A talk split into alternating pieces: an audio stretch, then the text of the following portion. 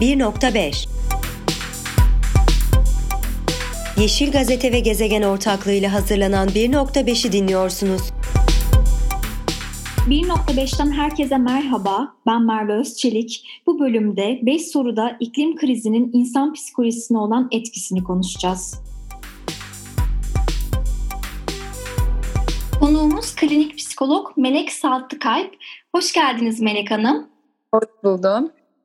Ee, iklim krizinin insan psikolojisine doğrudan bir etkisi var mı? İlk önce buradan başlayalım isterseniz. Varsa da bu Hı-hı. etkiler nelerdir? Ee, tabii e, doğrudan ve dolaylı olarak etkileri vardır. Ancak bu etkilerden önce biraz daha böyle iklim krizinin nasıl ortaya çıktığıyla alakalı ufak bir e, giriş yapmak istiyorum. E, insanlığın ilk ortaya çıktığı 20-25 milyon yıl önceden günümüze kadar bireyler tüketim, üretim ve teknolojik alanda bir dönüşüm içerisine girmişlerdir. Bu, dev, bu devinimle bağlantılı olarak insanlığın enerji ihtiyacı yıllara göre doğru orantılı bir şekilde artmış ve sanayi devrimiyle birlikte zirve noktasına ulaşmıştır.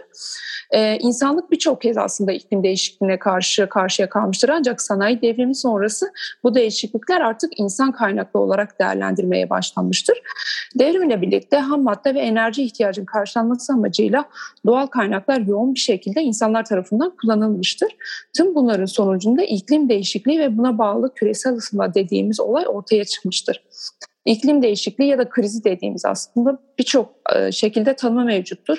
E, ben de araştırmalara bakıp aslında bu tanımları e, söylemek istiyorum. Bu tanımlardan biri küresel ve yerel ölçekte canlı hayatını sekteye uğratacak düzeyde ciddi derecede etkileri bulunan iklim şartlarındaki uzun süreli değişimlerdir. İklim değişikliği ya da krizi dediğimiz şey aslında insan sağlığı üzerinde iki etkiye sahiptir. Hani bunlar fiziksel sağlık ve psikolojik yani zihinsel sağlık dediğimiz problemdir. Burada özellikle karşımıza travma sonrası stres bozukluğu, e, majör depresif bozukluk, endişe, depresyon, karmaşık eder, suçluluk, vicdani travma, yıpratıcı iyileşme süreci, madde kullanımı ve intihar düşüncelerinin artması gibi e, sonuçlara yol açtığını görebiliyoruz. Tabii bunlarla ilgili yine detaylı konuşacağız ama e, iklim değişikliğiyle bağlantılı hani hava olayları ve çevresel değişiklikler doğrudan ya da dolaylı yollarla psikolojik iyi oluşu etkiliyor. Özellikle ekolojik açıdan hassas bölgelerde yaşayan insanlar ve genetik yatkınlığı olan kişiler bunun etkili kişilerde bunun etkilerini daha fazla görebiliyoruz.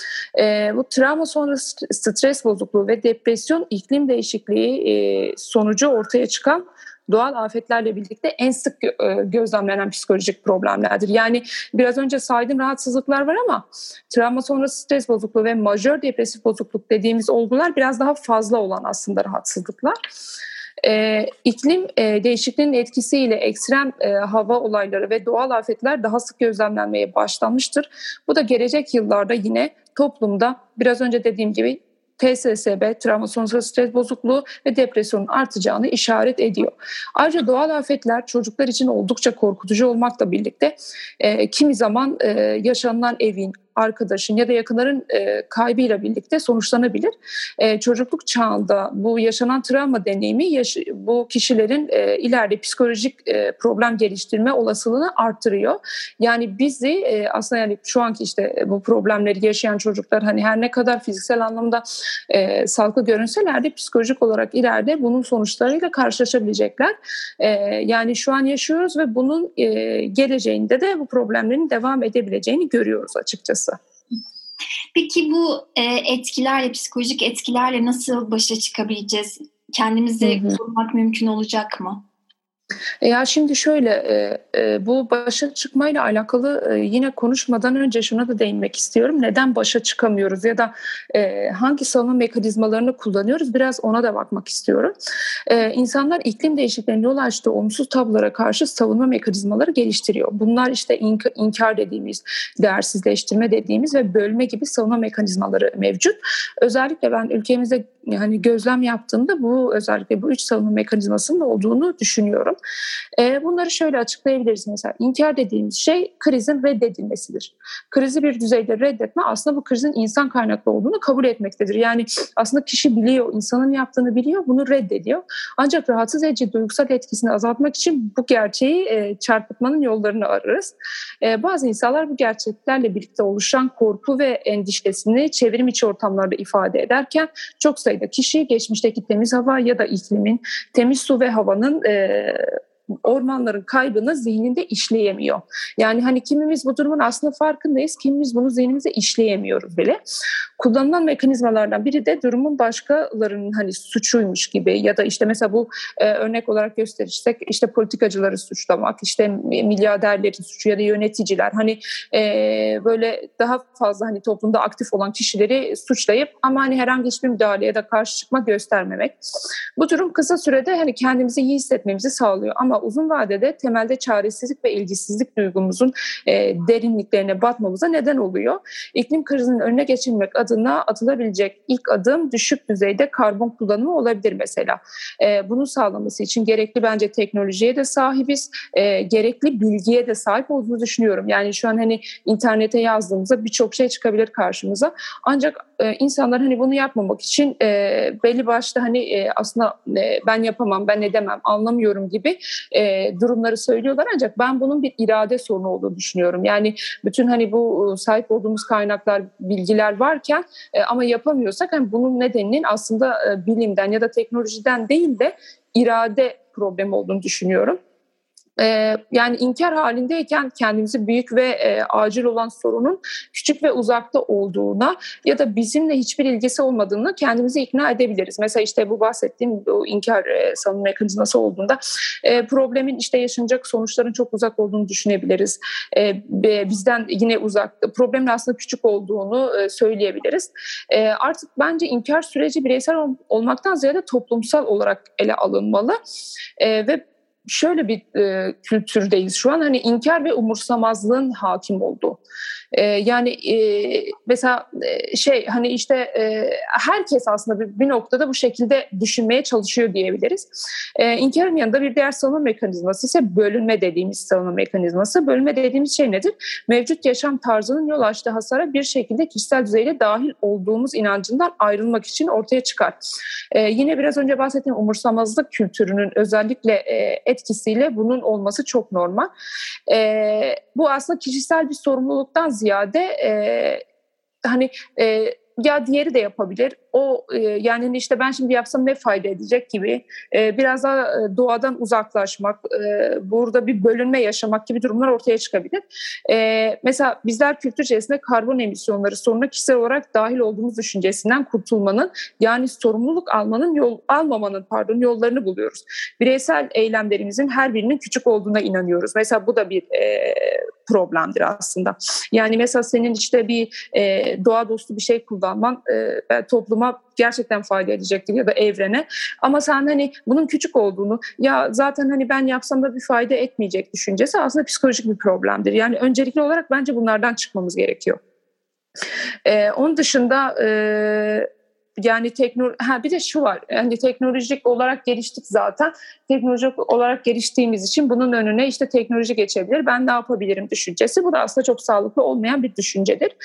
Ee, biraz önce bahsettiğimiz inkar savunması geliştiğinde meydana getirdiği zarar da amansızca artıyor aslında. Meydana gelen zarar aynı zamanda zihnimizdedir. Yani tek başına işte iklim veya işte e, çevrede değil de kişinin aslında zihnine de zarar veriyor. Gerçekliği ne kadar inkar edersek onunla yüzleştiğimizde o kadar boğ olmuş ve travmatize olmuş hissederiz. Bu giderek daha dayanılmaz hale gelir e, ve bu duruma karşı kendini savunmak için daha fazla inkara sebep olur ve bunun sonucunda psikolojik anlamda çok tehlikeli sonuçlar ortaya çıkabilir. Peki insanların umursamazlık kültürünün içinde çıkması ve doğaya verilen zararların etkisinden kurtulması mümkün mü?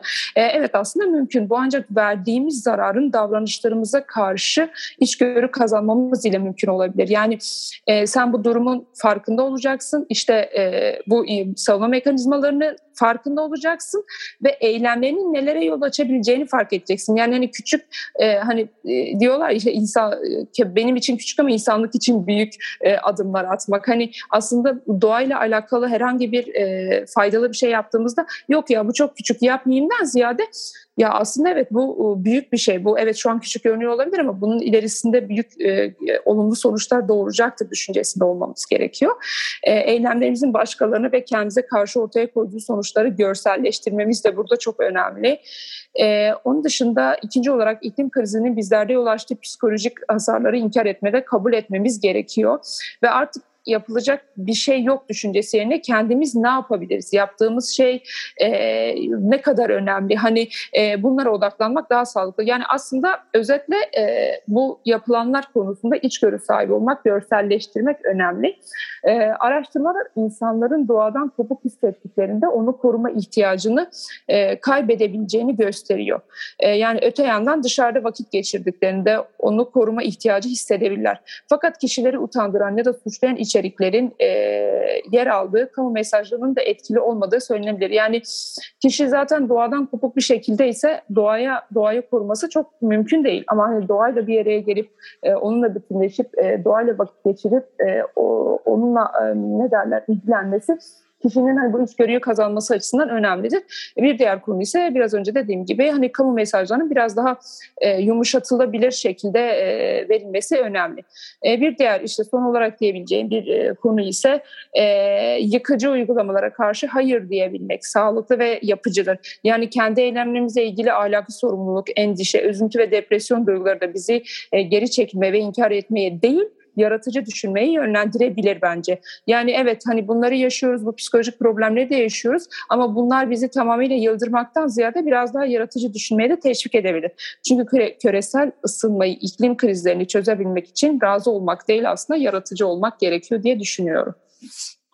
Peki bu e, krizin insan psikolojisine etkisi ne kadar önemli? Yani bu konuyu ne kadar ciddiye almamız gerekiyor?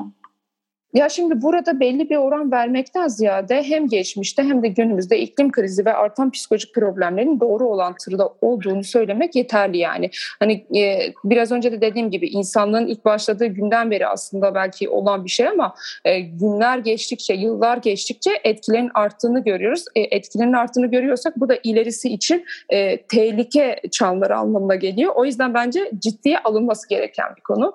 Özellikle biraz önce bahsettiğim travma sonrası stres bozukluğu ve majör depresyon başta olmak üzere diğer birçok psikolojik probleme yol açan bir durumun e, bence hem medya tarafından hem e, işte e, diğer işte toplumda olan birçok e, ayak tarafından ciddiye alınması gerekiyor. E, insanlar bireysel olarak üzerine düşen sorumluluklarını yerine getirmeli ve bunun yanında toplumsal olarak da desteklenmeli. Daha sağlıklı ve hızlı sonuçların açılı alınabilmesi için bunların yapılması gerekiyor. E, yani e, doğaya zarar verme hani zarar verildiğinde mesela hani e, işte doğayla alakalı hani olumsuz paylaşımlardan ziyade biraz daha hani insanların teşvik e, ne derler hani insanları teşvik etmek açısından işte e, fayda sağlayan şeyler paylaşmak. İşte e, onun dışında hani e, bir saniye e, yani şöyle e, bireysel açıdan yapılması gerekenler var ama hani toplumsal açıdan da insanların birbirine kenetlenip bir şekilde destekleyip bunu yapmaları gerekiyor bence. Ee, peki bu etkileri konuşmaya başladık ama yani insan psikolojisinin etkisiyle birlikte neleri daha fazla konuşmaya başlayacağız?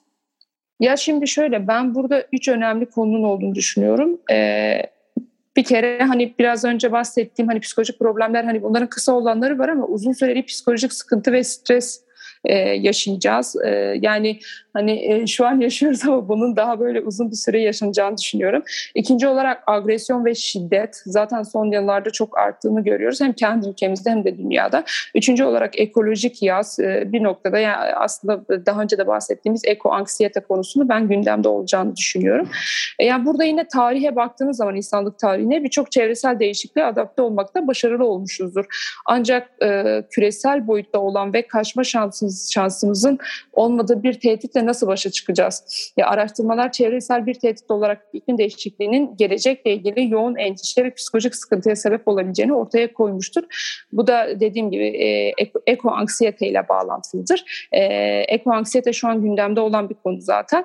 E, yine tanımına bakacak olursak iklim değişikliğinin gözle görülür etkilerini deneyimleme sonucunda kişinin kendisi, çocukları ve gelecek nesiller için duyduğu yoğun e, endişe ve hayal kırıklığıdır. E, bu kavram e, değişen iklim koşullarıyla birlikte hayatımıza dahil olmuştur ve bundan sonraki uzun bir süre boyunca ben dahil olacağını düşünüyorum. Bir diğer konu ise intihar. E, özellikle araştırmalara baktığımız zaman sıcaklığın arttığı e, durumlarda intiharın da arttığını görüyoruz. E, sıcaklık artışı aslında fiziksel olarak uyarılmamıza neden oluyor. Fiziksel olarak uyarılmak, odaklanma, kendimizi muhakeme etme yeteneğimizi azaltmada ve sağlıklı bir e, şekilde düşünmemeye neden oluyor. Bu da hem bahsettiğimiz işte birçok bir psikolojik problemi ortaya çıkıyor ve günün sonunda kişi artık hani bu durumlarla baş edemediği için intihara e, teşebbüs ediyor. E, yani burada konuşulan en önemli konulardan biri dediğim gibi e, uzun süreli psikolojik sıkıntı, stres, agresyon, şiddet, ekolojik yaz artı bir de intihar bence. Yani zaten bütün psikolojik problemlerin sonunda kişi baş edemediği zaman e, intihar e, olgusu ortaya çıkmış oluyor. Peki insanda e, çok fazla olumsuz duyguyu tetiklemeyecek şekilde bu kriz hakkında nasıl konuşabiliriz? Yani sonuçta bu kriz hakkında da konuşmamız gerekiyor. Siz ne tavsiye edersiniz? Ee, ben burada medyanın dilinin önemli olduğunu düşünüyorum. Yani biraz daha insanları e, travmatize edecek şekilde bu, bu zaten iklim krizi zaten bir noktada olumsuz olarak görünüyor ve e, çok fazla işte olumsuz yaşanan durumlarla alakalı e, konuşmaktan ziyade biraz daha bunun şey e, ne derler çözümünü konuşmak sağlıklı olacaktır. E, zaten insanlar bu konuyu mesela söz konusu işte iklim krizi ve işte nedenleri sonuçları olduğunda insanlar özellikle ülkemize de bakıldığı zaman e, bu konuyu sıkıcı, iç karartıcı ve karmaşık bir konu olarak görüyor. Bunu nasıl engelleyebiliriz? Engelleyebiliriz. Konunun aslında böyle olmadığını belli başlı yöntemlerle yapabiliriz. İşte e, dediğim gibi biraz daha çözümden konuşmak, yalın ve sade bir dil kullanmak ya da ne bileyim insanların hani e, toplumu tanımak aslında bu noktada önemli. Hani ne insanların dikkatini çeker ve nasıl dikkatini çekebilir şeklinde e, bir dil kullanmak aslında etkili olacaktır. Krizle krizle mücadele etmede başarılı olmuş toplumları örnek gösterebiliriz ve mücadele eden kişileri teşvik etmek, bu kişileri takdir etmek bence önemlidir. Ee, insanların doğa ile vakit geçirebilecekleri yine ortamlarla e, alakalı paylaşımlar yapılabilir. Mesela özellikle medyada ben bunun etkili olabileceğini düşünüyorum. Zaten hani e, yine televizyon izleme oranları evet şu an düşmüş olabilir ama hani belli bir özellikle yaştan sonraki kesime baktığımız zaman insanlar hala izliyor, hala televizyon kültürü var. E, sosyal medya yine çok aktif kullanılıyor. Sosyal medyada e, yine doğayla alakalı hani teşvik edici ya da kişilerin hani bir şekilde ulaşabileceği ortamlar oluşturmak sağlıklı sağlıklı olacaktır. Ee, onun dışında mesela doğa dostu ürünlerin üretimi ve bu üretime teşvik etmek. Özellikle bu da kimlere kalıyor? Hani biraz daha bu alanda yetkili kişilere. Ee, işte belli başlı ödüller vermek. Mesela eğitimde, okullarda vesaire bunlarla alakalı e, seminerler, işte uygulamalar ne derler? Hani e, hatta müfredatın içine dahil edilebilir bence. Çünkü çocuklar da bu konuda çok bilinçsiz. Hani bilinçlendirmek aslında yani ama bunu iyi bir şekilde sevdirerek yapmak. Yani hani böyle olumsuz tarafını işte sürekli travmatize eden yönlerini vesaire konuşmaktan ziyade biraz daha olumlu olan işte e, yapılabilecek şeylerle alakalı konuşulması bence daha sağlıklı olacaktır. Onun dışında hani ben de bu sahada çalışan bir psikoloğum hani alanda ama e, çevreyle alakalı e, çalışmaların bence arttırılıp e, psikologların da dahil edilmesi gerektiğini düşünüyorum. E, ve bunlarla alakalı mesela eko anksiyete diyelim ki yaşayan insanlar insanlar için terapi destekleri, e, e, içgörü işte geliştirmek açısından insanlara ekstra hani ücretsiz belki işte halk sağlık merkezlerinde e, işte psikolog yönlendirip bu konunun üzerine gidilebilir. Aslında yapılacak çok olumlu şey var. E, ama e, esasında hani işte travmatize eden şeylerden ziyade bunları yapmak sağlıklı olacaktır diye düşünüyorum. Çok teşekkür ederim Melek Hanım. Ben teşekkür ederim. Çok sağ olun. Sağ olun. Evet 1.5'i dinlediniz. Ee, bir dahaki bölümde tekrar görüşmek üzere. Hoşçakalın. Podfresh teknik altyapısıyla hazırlanan 1.5'i dinlediniz.